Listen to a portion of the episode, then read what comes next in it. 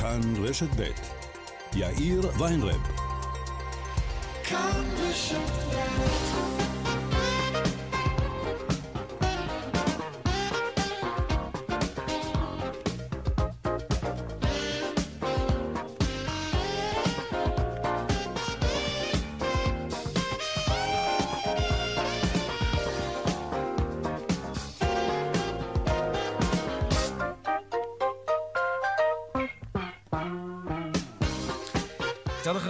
ארבע ועוד חמש דקות, כאן צבע הכסף ברשת ב', יום רביעי. שלום לכם, העורך רונן פולק, בהפקה רונית גור אריה, טכנאי השידור שלנו היום הוא יוראי פיקר.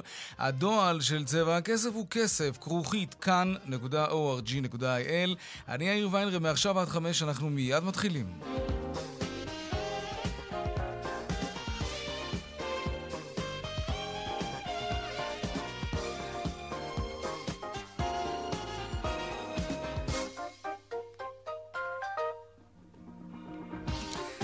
כותרות צבע הכסף ליום רביעי, חגיגת הריביות בבנקים. הערב פגישה בין נגיד בנק ישראל לשר האוצר, זה כשברקע יש מתיחות בין השניים.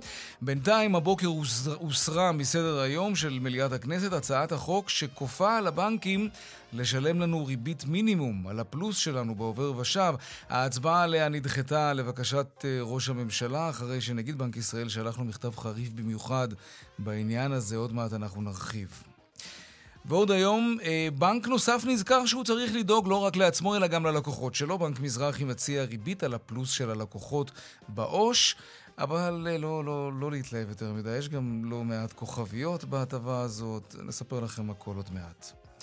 יוקר המחיה והפעם בשורה טובה. לשם שינוי, היום יובא להצבעה בוועדת הבריאות הצו שיקפיא את גובה ההשתתפות העצמית שמשלם הציבור בעבור תרופות המרשם. זה כדי לבלום את עליית מחירי התרופות שצפויה מהחודש הבא.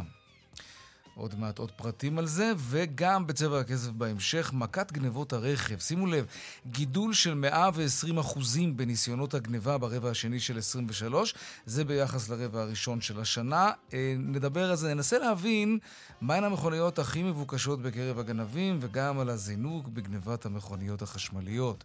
זה הפך להיות מאוד פופולרי.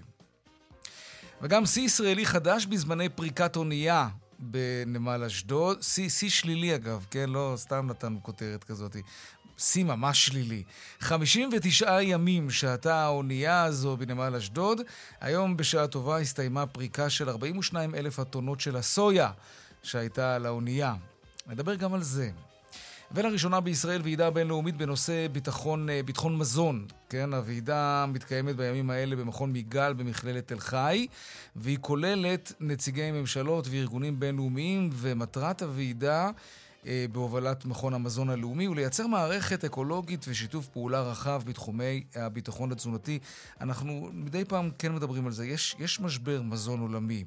וזה חשוב, וזה קורה על רקע המלחמה באוקראינה, ומגפת הקורונה שהתרגשה עלינו עד לא מזמן ועדיין קיימת, אה, ומשבר האקלים והאנרגיה, כפי שאומרת לצבע הכסף שרון אנגל אדם ממנהלת הפודטק בגליל, הנה. יש כאן מיזמים מכל מיני נושאים שבאים פה מהגליל והגולן, אם זה שימוש, צמצום בזבוז מזון, שימוש בפסולת אה, של ירקות להכנת אה, פריחיות, אה, אם זה צמצום צריכת הסוכר ועוד ועוד מיזמים. ועוד בהמשך צבע הכסף, נתונים חדשים מגלים את מה שכולנו כבר מרגישים בבטן, ירידה של ממש במספר העסקאות בכרטיסי אשראי במסעדות. כן, אנחנו קונים שם פחות, או קונים שם מנות זולות יותר, זה ברקע גל ההתייקרויות וקיבוץ החגורה הכללי. נדבר גם על זה, וכמובן, עמלה ביום. הפעם נדבר על אחת העמלות המניבות ביותר בעבור הבנקים.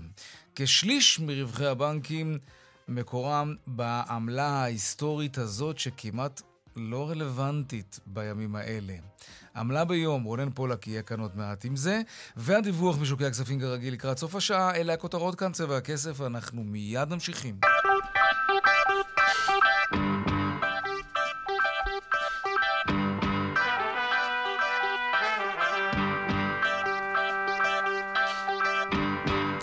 הכנסת הסירה מסדר היום את הצעת החוק שתחייב את הבנקים לשלם ריביות על הפלוסים שלנו בעובר ושב. דנה ירקצי, כתבתנו לעניין הכלכלה, שלום.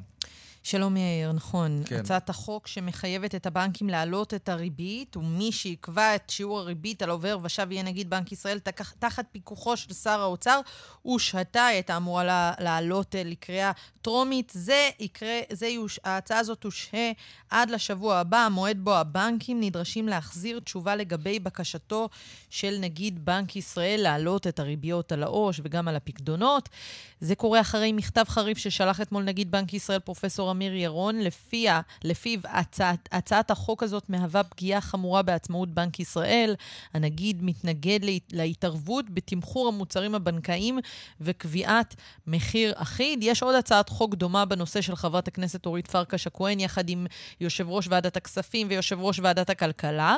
והיום יושב ראש ועדת הכלכלה דוד ביטן, שהוא ידוע כממולח במשאים ומתנים, מתייחס להשעיה הזאת ואומר, קודם היו צריכים להעביר את החקיקה בקריאה טרומית, ורק אחר כך לנהל משא ומתן מול הבנקים, כמנוף לחץ עליהם. בואו נשמע את הדברים. שהצעת חוק שעברה בוועדת שרים לחקיקה בנושא ריבית על העו"ש, נחסמה על ידי הנגיד ועל ידי הבנקים בלחץ אה, זה, ואם זה המצב, שעושים משהו לטובת האזרחים ויש לחץ של הפקידות הבכירה והממשלה מתקפלת, אז אנחנו לא נגיע בנושא יוקר המחיה לשום דבר. ואני מוחה על העניין הזה, אני חושב שכן היה צריך להעביר את הקריאה הטרומית ולנהל משא ומתן גם עם הנגיד וגם עם הבנקים על העניין הזה, וזה לא דבר שגורם לבנקים להתמוטט, עם כל הכבוד.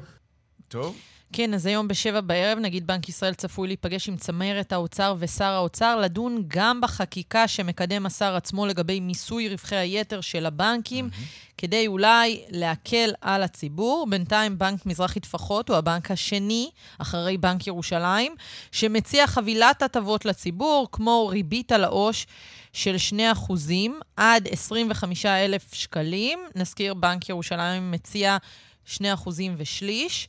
הטבה על המינוס כמו הורדת המסגרות ב-2%, וגם זיכוי של 1,200 שקלים על המשכנתה לבעלי דירות עד 2 מיליון שקלים. אז אחרי הביקורת על בנק מזרחי טפחות, שבעיקר התעסק בפרסומות, על כך שהוא מפרגן לבנקים האחרים על השירות, ביקורת שאנחנו בכאן חדשות העברנו, אז אנחנו רואים שהם דווקא יוצאים בחבילה שמתייחסת גם על העובר ושב, גם כן. על המינוס, ואיזושהי הטבה לבעלי משכנתאות. כמובן, יש לזה קריטריונים, זה לא מגיע לכל אחד, אז צריך להסתכל בפרטים הקטנים. כן, דברים מתחילים לזוז. לא, לא מספיק, אבל דברים מתחילים לזוז, זה זז. כן. תודה, דנה ארקצי. תודה. טוב, אנחנו רוצים להרחיב עכשיו בעניין החוק שירד מהפרק לפחות בינתיים, החוק שהיה אמור לחייב את הבנקים לשלם ריבית על הפלוסים שלנו בעובר ושב. זה נשמע נפלא, למה זה ירד? שלום, פרופ' רפי מלניק, נשיא אוניברסיטת רייכמן. שלום, שלום. הבנקים בטוח נושמים עכשיו לרווחה, אבל הם למדו לדעתך משהו מהסרט אימה הזה שהעבירו אותם, או שמבחינתם הם פשוט ניצחו במאבק ו- ושום מחוקק לא התערב להם עכשיו בעניינים? תראה, פרופסור אמיר ירון, בהחלט אה, יש לו תפקיד כאן חשוב, ואני חושב שהוא ניסה לעשות איזשהו מהלך אה, של, אה, אתה יודע, של השפעה דרך הכלים שיש בבנק ישראל, לכך שהמדיניות המוניטרית או גובה הריבית תשפיע גם על, על הריבית של הפקדונות ולא רק על הריבית לאשראי. Mm-hmm. זאת uh, מלחמה שהיא מלחמה לא חדשה, אני עוד זוכר, uh, אתה יודע, אנחנו זקנים כבר, אני זוכר כשעוד uh, מיכאל ברונו היה נגיד הבנק, כן. הוא ניסה, ואז היינו אחרי תוכנית העיצוב, והוא ניסה ככה בכלים שלו, אז בכיוון ההפוך, כן, להוריד את הריביות של הבנקים, הוא נאלץ, אה, הוא נאלץ אה, לקרוא לראשי הבנקים וללחוץ עליהם והם הגיבו בהתאם.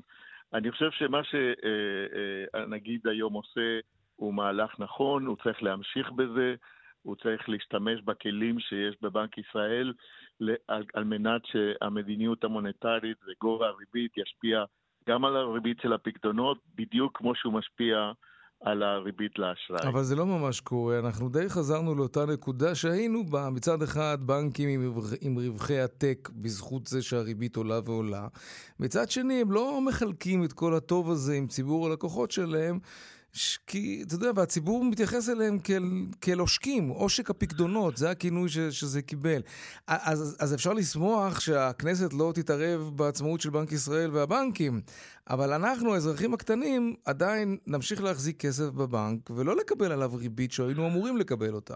אז מה הרווחנו פה תראה, בעצם? תראה, אחד, אחד הדברים ה, ה, שאנחנו צריכים גם אה, ללמד את הציבור, כן? שיש כל מיני אה, פקדונות שאפשר להחזיק בבנקים השונים לא רק בעו"ש, כן? כן. ואני חושב שהעובדה שחלק אה, כל כך גדול יושב בעו"ש, זה בעיה בחינוך הפיננסי של האוכלוסייה. כי הבנקים מציעים כל מיני פקדונות לזמנים, לזמנים קצובים, חלקם אה, יותר נזילים, חלקם פחות נזילים, אבל אין ספק שבתיק אופטימלי לא היה צריך להחזיק כזאת כמות של מזומנים.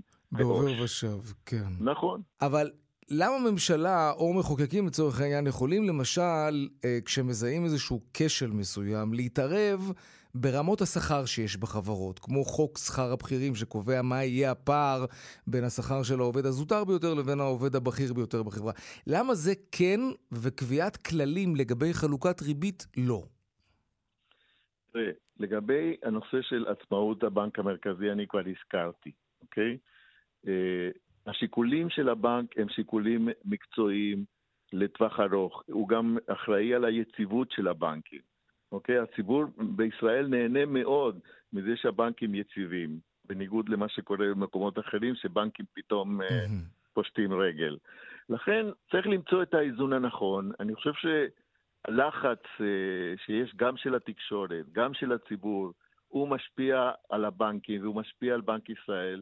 וצריך להמשיך ללחוץ, אבל לעשות את זה בצורה של התערבות ישירה בנושאים שנוגעים אך ורק לבנק המרכזי, זו דרך פסולה מלכתחילה. תגיד, העובדה שנגיד בנק ישראל נאלץ לכתוב מכתב לראש הממשלה, להזהיר, יש שיגידו אפילו להתחנן שהוא יוריד את הממשלה שלו מהרעיון להתערב לבנק ישראל ולבנקים בעניינים שלהם. איפה זה שם אותו, את פרופסור אמיר ירון? אני חושב שחלק משמעותי מחברי הכנסת לא מודעים לכך שאנחנו חיים בעולם גלובלי, ששווקי ההון מקושרים ומגיבים למידע באופן מיידי.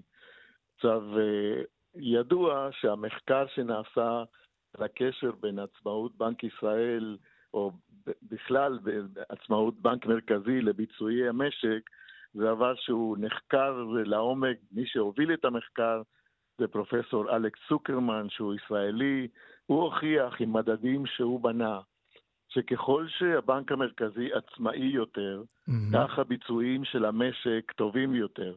במיוחד בנושא של השפעת המדיניות המוניטרית והקשר בין עצמאות הבנק לאינפלציה. Mm-hmm. עכשיו, ניסיון חקיקה מהסוג הזה מתפרש באופן מיידי כפגיעה בעצמאות הבנק המרכזי, ולכן אה, מעבר לזה, אם אנחנו קושרים עם הניסיון של ההפיכה המשטרית שהמדינה רוצה להנהיג, זה היה עלול להתפרש בצורה מאוד מאוד מאוד קשה, ואני שמח שאנחנו יורדים מזה. פרופסור רמי מלניק, תודה רבה לך על השיחה הזאת. תודה לך. להתראות. להתראות. אה, יוקר המחיה, והפעם בשורה אה, טובה.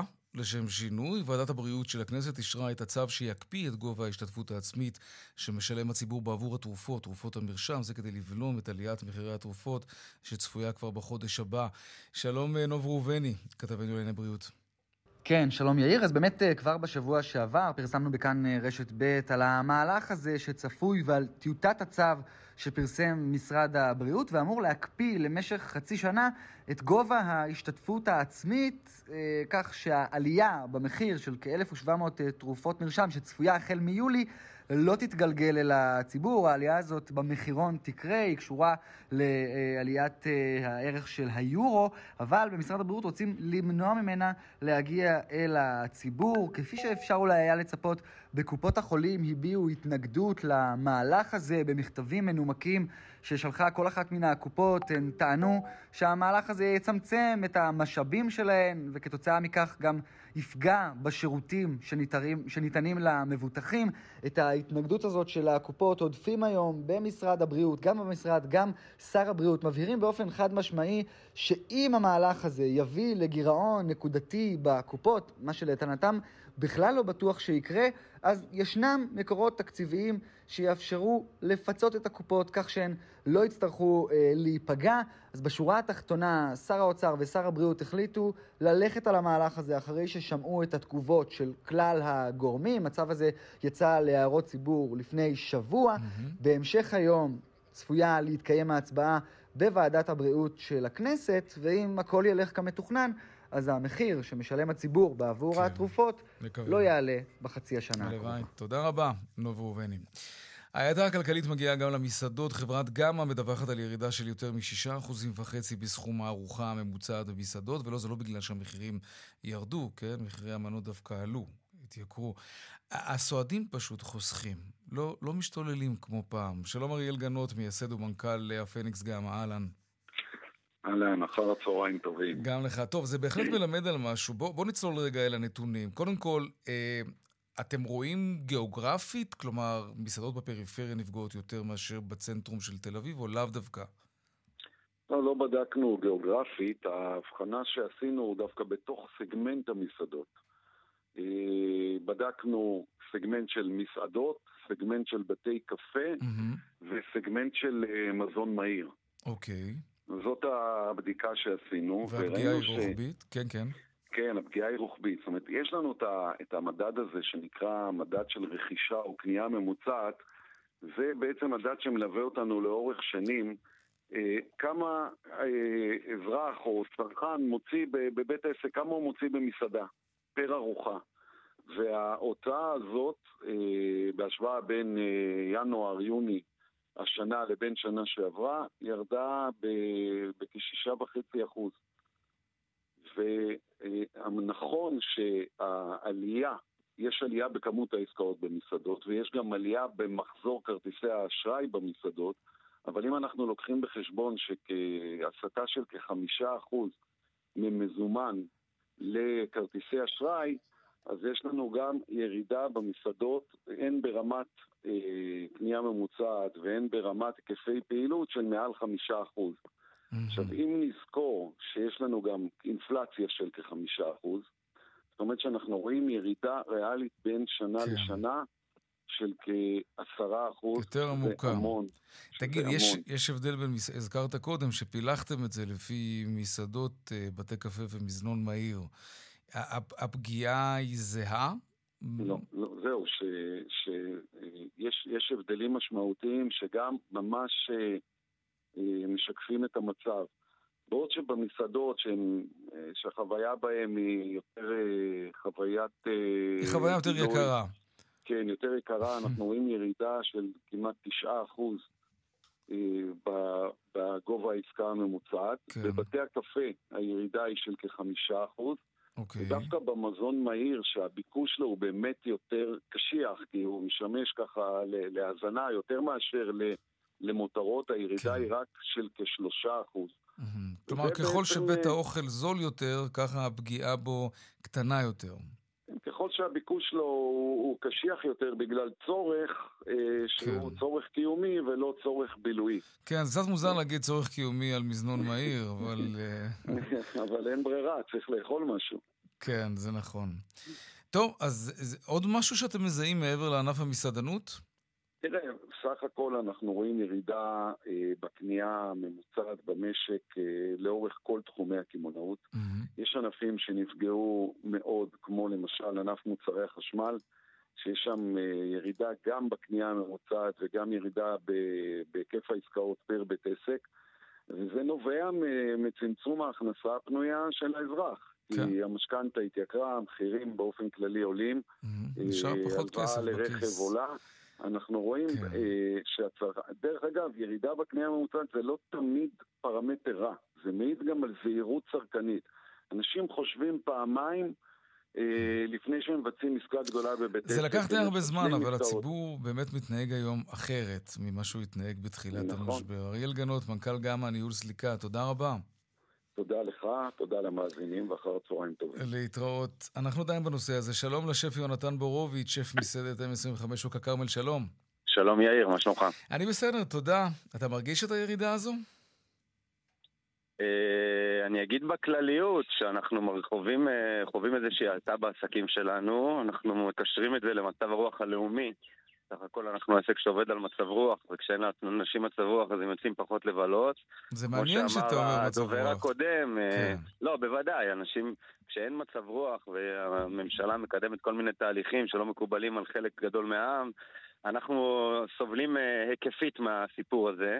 במובן הזה, אבל אני יכול להגיד לך שאני, בעוונותיי כשף, אני גם, אה, אני גם מסתכל על התגובות של, ה, של הקהל בקבוצות פייסבוק מסוימות של חובבי מסעדות, ואני גם כן.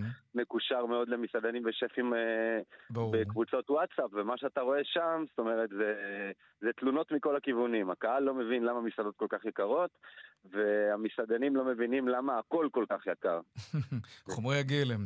וכשהכל בעלייה, וכשהריביות עולות, וכשההכנסה באמת, כמו שאמר הקודם, הדובר הקודם, כן. אין, אין הכנסה פנויה, אז אנחנו, אנחנו ראשונים להיפגע. כן. זה נכון.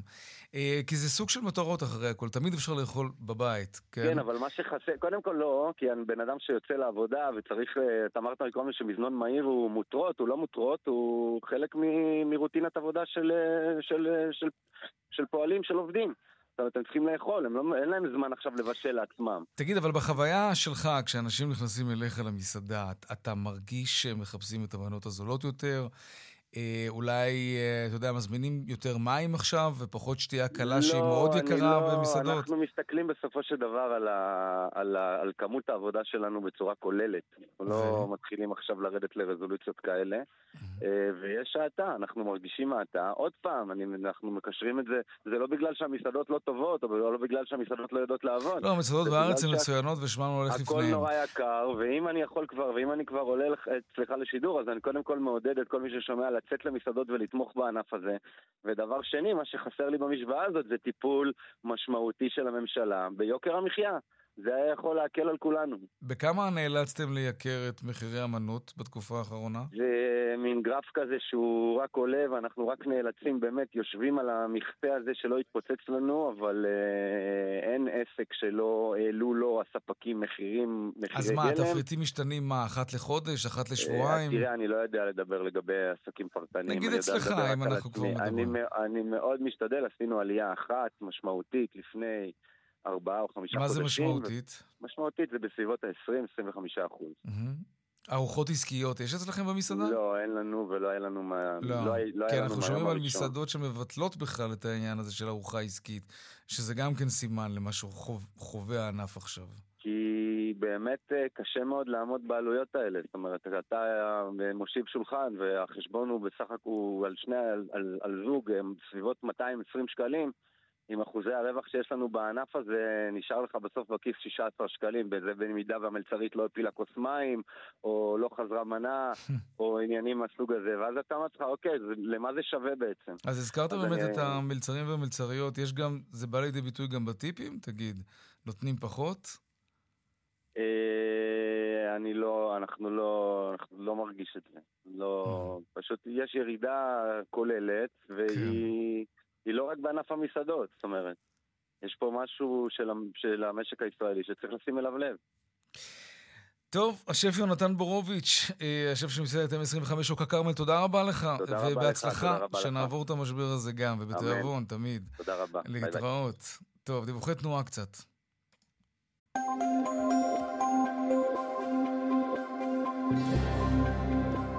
כותב לנו מאזין אה, בשם אלי, נקודה מעניינת, המשלוחים הביתה גם התייקרו. יהיה מעניין לבדוק מה קורה שם, אם פחות אה, מזמינים עכשיו אצל חברות השליחויות, וולט ודומיהם. כן. טוב, בדרך 77 מערבה יש עומס תנועה ממחלף גולני עד אה, מחלף ציפורית, בדרך 431 מערבה, עמוס ממחלף רמלה. רמלה מערב לכיוון מחלף נס ציונה בגלל תאונת דרכים, סעו בזהירות. בדרך תל אביב-אשדוד עומס ממחלף השבעה עד ראשון לציון, ובגאה צפונה עמוס ממחלף השבעה עד גבעת שמואל, דרומה ממורשה עד גאה. עדכוני תנועה נוספים בכאן, מוקד התנועה, כוכבי 9550 זה הטלמסר שלנו, אבל גם באתר של כאן וביישומון של כאן. פרסומות, ומיד חוזרים עם עוד צבע הכסף, מדבר על מכת הגנבות. מתברר ש... חשבנו שבתחילת השנה היה זינוק ובגלל זה גם שילמנו הרבה על הביטוח. מתברר שגם הרבע השני של השנה, זינוק של 120 אחוז בניסיונות גנבת הרכב. נראה כמה מצליחים. מיד חוזרים. טוב, אי אפשר שקט, צריך למלא את האוויר איכשהו.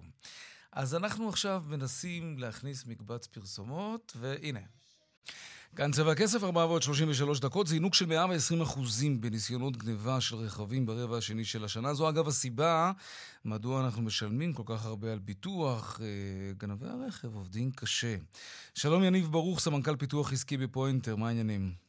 שלום, שלום, תודה רבה, מה שלומך? על הכיפאק. ראינו אה, עלייה גם בשנה שעברה, אה, נכון. גם ברבע האחרון, ו- וזו אגב, כאמור, הסיבה למה מחירי הביטוח זינקו כך, ועכשיו אנחנו מבינים שהתופעה הזאת מתרחבת עם עוד זינוק. מה, מה, מה קורה כאן, תגיד? אז אנחנו באמת נמצאים בתקופה שאנחנו בשיא ניסיונות גנבת הרכב בישראל, זה תוצר של אה, מחסור בחלקי חילוף, מחסור ברכבים. אה, מעברי גבול פרוצים, אובדן הרתעה. זאת אומרת, המכלול של כל הדברים האלו מביא באמת לעלייה מאוד אה, גדולה בגנבות הרכב שאנחנו חווים. אני חייב לציין שהרבעון הזה זה היה רבעון השיא אה, של חברת פוינטר מבחינת סיכולי הגנבות והמרדפים אחרי רכבים גנבים. אז רגע, כשאתם באמת מציינים עלייה של 120 אחוזים בניסיונות, אז מה, מה הסטטיסטיקה של ניסיונות והצלחות? כלומר, נגיד מתוך עשרה ניסיונות, כמה מצליחים לגנוב? אנחנו למעשה מצילים כ-84% אה, מניסיונות הגניבה, מה שאומר שעל כל אה, עשרה רכבים, 8.4 רכבים, אנחנו אה, נצליח לסכל את הגניבה או להשיב את הרכב. לצערנו יש עוד 16% שכנראה יאבדו את הרכב. זה נתון אגב מדהים, פנומנלי, שהוא מתבסס על טכנולוגיה מאוד ייחודית שיש לנו ברכיבי האיתור, שמאפשרים לנו לקבל התראות ואינדיקציות כבר בתחילת... רגע, וכשיש לכם אינדיקציה, אתם שולחים לשם שוטרים או שזה סיירים שלכם שרודפים, דולקים אחרי הגנבים?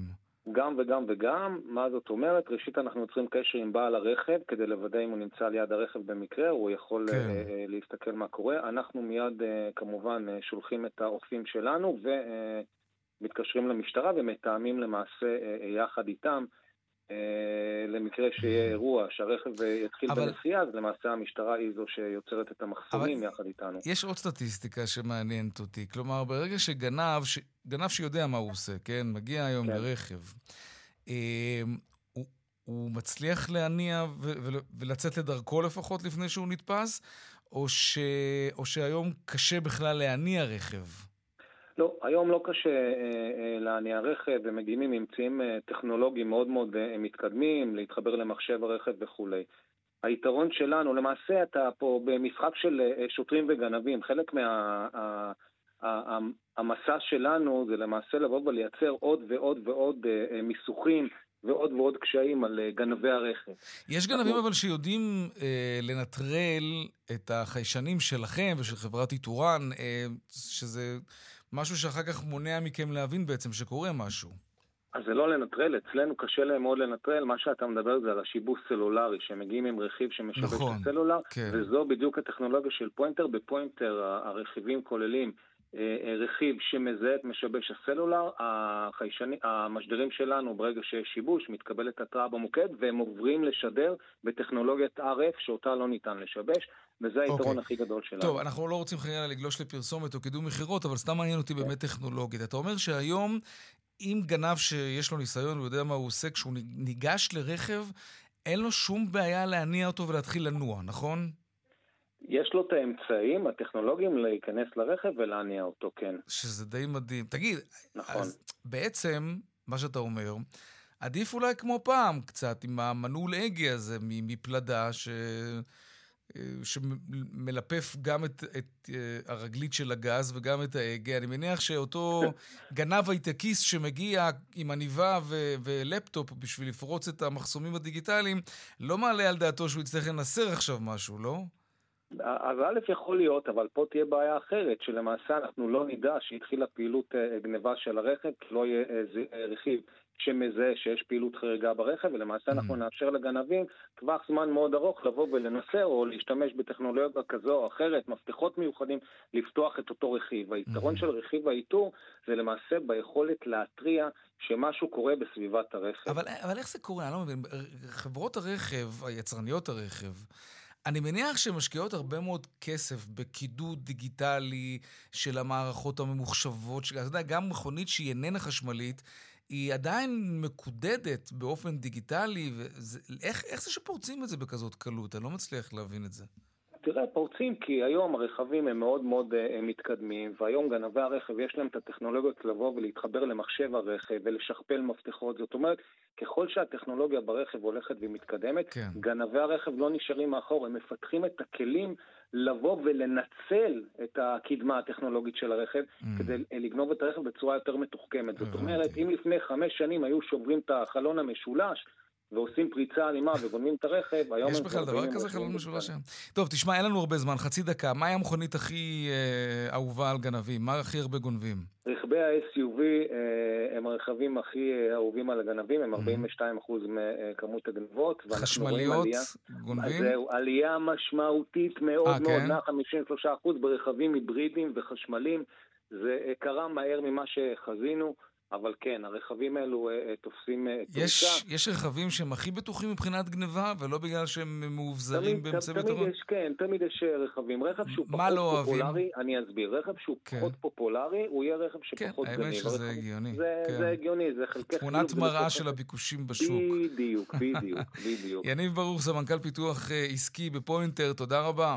תודה לך. להתראות. ביי. לא תאמינו, יש שיא ישראלי חדש. אה, ברכות לאונייה שסיימה היום. היא עגנה ב-1 במאי בנמל אה, אשדוד, כן? שם היא עגנה, אז היא עגנה, והיום סוף סוף פרקו אותה. 42 אלף טון של אה, חלבון של סויה. Mm. וואו, זה לקח הרבה מאוד זמן. אמרנו שיא ישראלי במובן השלילי כמובן. שלום, שלום אה, חתוקה, מנכ"ל חברת... אה, תעזור לי עם שם החברה.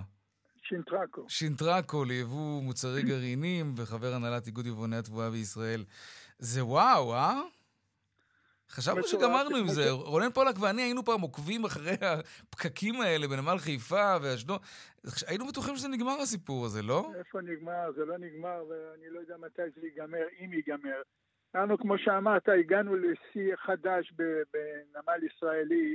של 59 אה, ימי עבודה לאונייה, או 59 ימים מהגעת האונייה לפריקה, שזה דבר מטורף, במקום שמונה ימי פריקה שבמקסימום צריכים לקחת לאונייה מהסוג הזה. שאין כל ספק שזה עולה הרבה כסף, וזה עולה לציבור, הרי היבואן חייב להשית את ההוצאות האלה על הציבור. אנחנו מדברים על יוקר המחיה והציבור לא מבין איפה, מאיפה הוא חוטף את ההוצאות. זה גם חלק מהסיפור, בוודאי. כלומר, אם יש פחות היצע של המוצרים שאתם מספקים, אז המחירים, מטבע הדברים, עולים. אז רק לדוגמה, אני אתן כן, לך שאונייה נוספת שלנו, אונייה נוספת, שהייתה אמורה לפרק בנמל אשדוד, לאור המצב לא חשבנו פעמיים והסטנו אותה לנמל חיפה. בנמל חיפה, אשר הקצב הפריקה שם הוא נורמלי וסביר, הוא, הוא יעשה, אבל לקחת בחשבון של עוד 60-80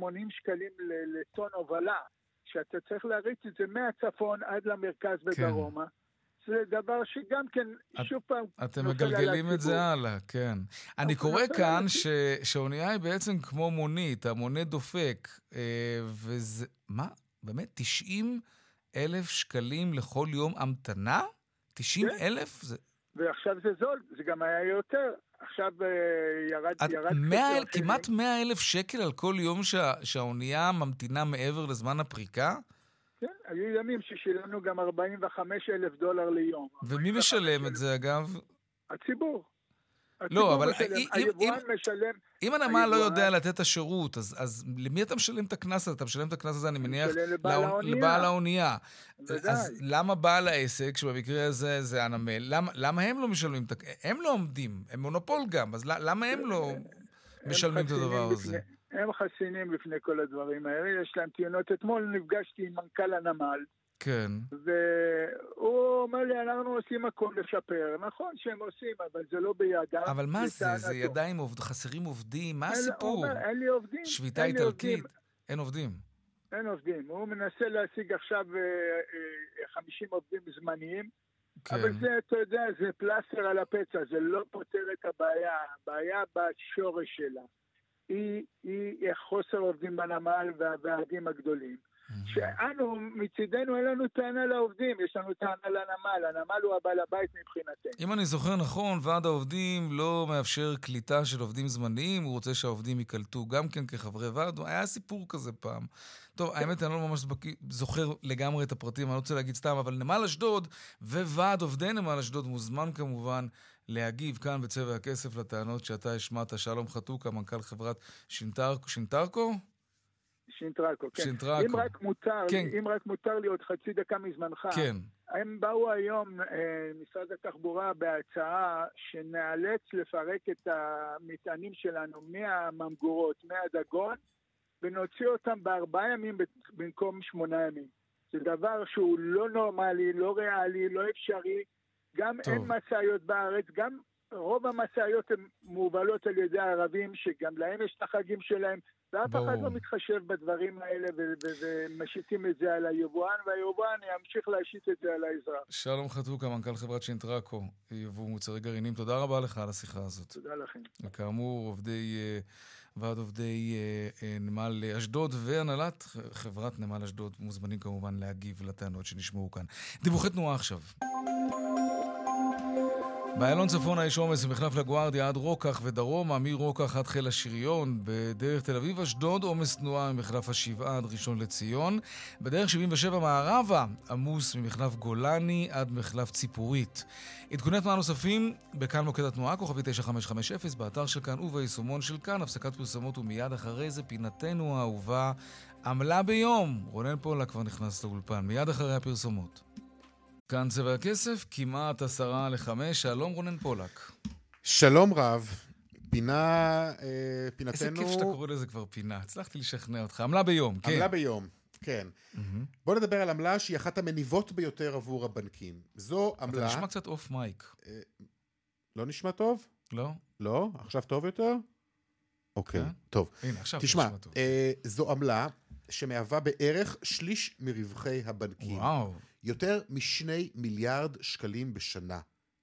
מה? לא ש, ש, שליש מ, מרווח של בנק כלשהו כן, נובע מהעמלה הזאת. הספציפית הזאת, כן. אוקיי. מה שמה של העמלה הזאת? יש לה כמה שמות האמת, הם כן. גם איזושהי סוג של uh, שינויים במהלך. השנים. אבולוציה. כן, בדיוק. uh, השמות, הנפוצ... השמות הנפוצים של העמלה, עמלת שמירה על ניירות ערך, או עמלת דמי משמורת או משמרת. אה, והעמלה הזאת, אני מסביר לך, רגע, שנייה, אני רואה את הפנים, שנייה, אני מסביר. כן, כן, אוקיי? אתה מסביר. מקורה אתה מסביר, כן. של העמלה הזאת בימים עברו, שבהם ניירות ערך היו ממש ניירות פיזיים. אתה זוכר את התקופה הזאת, נכון? בטח שאני זוכר את הזמן. כן, הייתי שם, מה זה? זה היו שטרות נייר כאלה. אני מקטלג את האגרות האלה. כן. בדיוק, היה צריך לקטלג את זה באמת. לשים את זה ממש בקלסרים. זה גם כבד. אני הייתי קורא לעוד שניים, שלושה פקידים בבנק שיעזרו לי להרים את האגרת חוב, את הנייר ערך נכון, הזה, כן? זה היה כבד. כן, כן, תקשיב, זה היה כבד. בדיוק. ובגלל שזה היה כבד... אז כן, היה צריך להעסיק הרבה פקידי בנק. כדי שיהיה יסחבו. היה צריך לשלם עמלה בשביל זה, צריך לממן נכון, את האנשים לא, האלה. לא, אבל צריך באמת לומר, זה היה... כמו סבלים. זה היה אה, נייר שהוא עצמו היה שטר כסף לכל דבר. כלומר, אם היית כן. מאבד אותו, אה, או שהוא היה נגנב לך, הלך הכסף. הלך הנייר. אז אני, בהחלט אינטרס שלנו זה. ולכן... שנייה, אני רוצה לשאול אותך. נגיד שיש לך משהו שהוא בעל ערך. השתיקה לפפיר, אוקיי? חתיכת נייר, יש לו ערך אבל. שומרים לך עליו. שומרים. שלם. נכון. מה אתה כזה קטנוני? אני לא מבין. וזה בדיוק כמו שהבנק עשה. הוא היה אוקיי. שומר את הניירות האלו כן. בכספות. ועבור השמירה הזאת הייתה נהוגה עמלה המכונה כאמור עמלת שמירה על ניירות ערך. ניירות ערך, אוקיי. יופי. כן, זאת העמלה. בסדר, את פה נשמע לי מאוד מהמוצדקות שיש. אה. נשמע, נשמע אלא לי... שבינתיים, כן, עברו כן. להם כבר השנים. כן. המסחר בניירות ערך הוא לא באמת בניירות פיזיים, אלא באמצעות ניירות דיגיטליים, שנשמרים mm. בכונני הבנק, לא באמת בכספות. אה, אז עכשיו כבר אין את ה... אין, לא, לא, לא, אין את הסבנים. את הניירות הענקיים האלה שהייתי לא. סוחב על הגב. לא, גם לא תופסים מקום, זה אה. למעט כמובן מקום אחסון בשרתים הענקיים של הבנק, אוקיי? אוקיי? בסדר. אוקיי. אז ב... רגע, אז זה השתנה, אבל העמלה כנראה לא. העמלה נשארה. בגלל זה נכנסת לאולפן. נכון. אוקיי. אבל זה... רגע, יש סכנות סייבר. תאר לך שהאקר חודר למחשבים של הבנק וגונב לך את איגרת החוב שלך, את נייר הערך שלך. הוא אומר, תשמע, זה לא צחוק. זה... אתה, אתה הולך לישון בלילה, אתה יודע שיש לך ים של ניירות ערך עם, עם וואחד ערך, בבוקר אתה קם, אומרים לך, האקרים פרצו ולקחו את כל ניירות הערך שלך. נקודה מעניינת מה שאתה אומר. אני רוצה, אני רוצה שהבנק ישמור על זה עדיין, אם ככה. הוא באמת ישמור על זה. אה, אבל אם הוא לא ישמור על זה... אבטחת סייבר וזה. נכון. נו, אז אולי מגיעה לו עמלה על זה. נכון, יכול מאוד להיות שמגיעה לו עמלה, אני לא יודע מה הסדר הגודל שלה, בכל אופן, על פניו נשמע לי שמדובר בעמלה... מאוד יקרה. אתה רוצה לדעת כמה יקרה? כן, כן, כן. כן. אמ, טוב, קודם כל זה תלוי באיזה בנק מדובר, וגם ביכולת המיקוח שלך.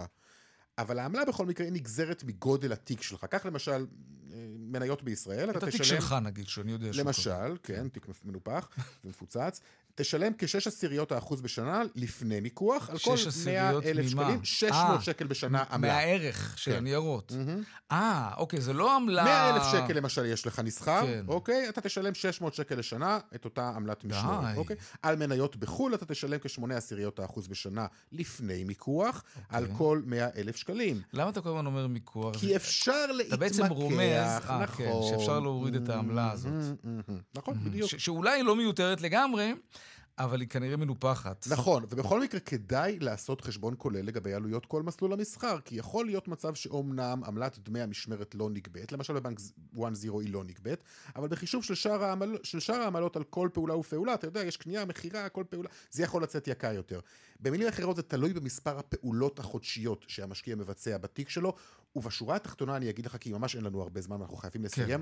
מרבית הבנקים ובתי ההשקעות גובים את העמלה ההיסטורית הזאת. אפשר ורצוי, אמרת, להתמקח עם הבנק. רוב האנשים שמנהלים את הניירות הערך שלהם עושים את זה דרך הבנק שבו מתנהל החשבון שלהם, כי זה הכי קל להם, אפשר לעשות את זה גם דרך בתי השקעות, דרך ברוקרים, שם בדרך כלל העמלה הזאת קטנה יותר. ואם לא מעבירים את הניירות ערך לבנק בדיוק, אחר. בדיוק, אפשר לעבור לבתי השקעות, או לפחות לאיים כן. על הבנק במעבר, מה שנקרא, אני הולך. אני הולך. כדי לתת גם לבנק לרדוף אחריך לשם שינוי, ולא mm-hmm. להפך, עמלת דמי משמרת.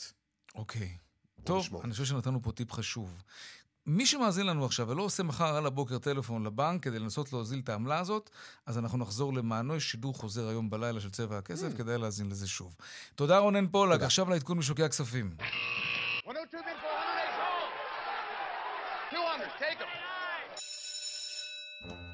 שלום רועי שביט, אנליסט מחלקת מחקר של IBI בית השקעות, מה העניינים?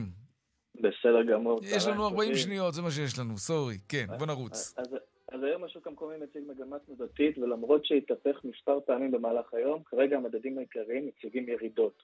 מדד תל אביב 125 ותל אביב 35 יורדים קרוב לרבע אחוז, לאחר שבמהלך היום הציגו גם עליות וגם ירידות של קרוב לחצי אחוז. חשוב לציין שהיום המסחר לקראת סגירה, ונכון לעכשיו מחזורי המסחר בשוק נמוכים מהממוצע ב-30%. נעבור לאירופה, שם מדד הדקס והסטוק 600 נסחרים בעליות של מעל חצי אחוז, אחרי מספר ימים רצופים של ירידות. מדד האנגסן נותר ללא שינוי מהותי לקראת מספר דיווחים כלכליים חשובים בסין, ובארצות הברית מסחר, המסחר נפתח בירידות קלות לקראת הסטרס טסט של הפד לבנקים האמריקאים ופוטנציאל לרגולציות חדשות על מכירת שבבים מתקדמים בסין. אי אפשר בלי כמה מילים על המטח, שער הדולר שקל עומד על 3.68, אה, כאשר השקל ממשיך במגמת ההיחלשות שלו מול הדולר, בעיקר על רקע האירועים והדיונים הפוליטיים שמתרחשים בימים אלה. אלו עיקרי הדברים. תודה. רועי שביט, IBI בית השקעות, תודה רבה. עד כאן צבע הכסף ליום רביעי העורך רונן פולק, בהפקה רונית גור אריה, טכנאי השידור יוראי פיקר, במוקד התנועה חגית אלחייני, הדואל שלנו כסף, כרוכית, כאן.org.il. מיד אחרינו בנימיני וגואטה, אני יאיר ויינרב. את כל הכתבות והמשדרים שלנו, רדיו וטלוויזיה, אפשר למצוא ביישומון כאן בוקס לטלוויזיות חכמות, וביישומון של כאן כמובן. ערב טוב ושקט שיהיה לנו. נשתמע כאן שוב ביום ראשון, בארבעה אחר הצהריים. ערב טוב ושקט, סוף שבוע טוב, שלום שלום.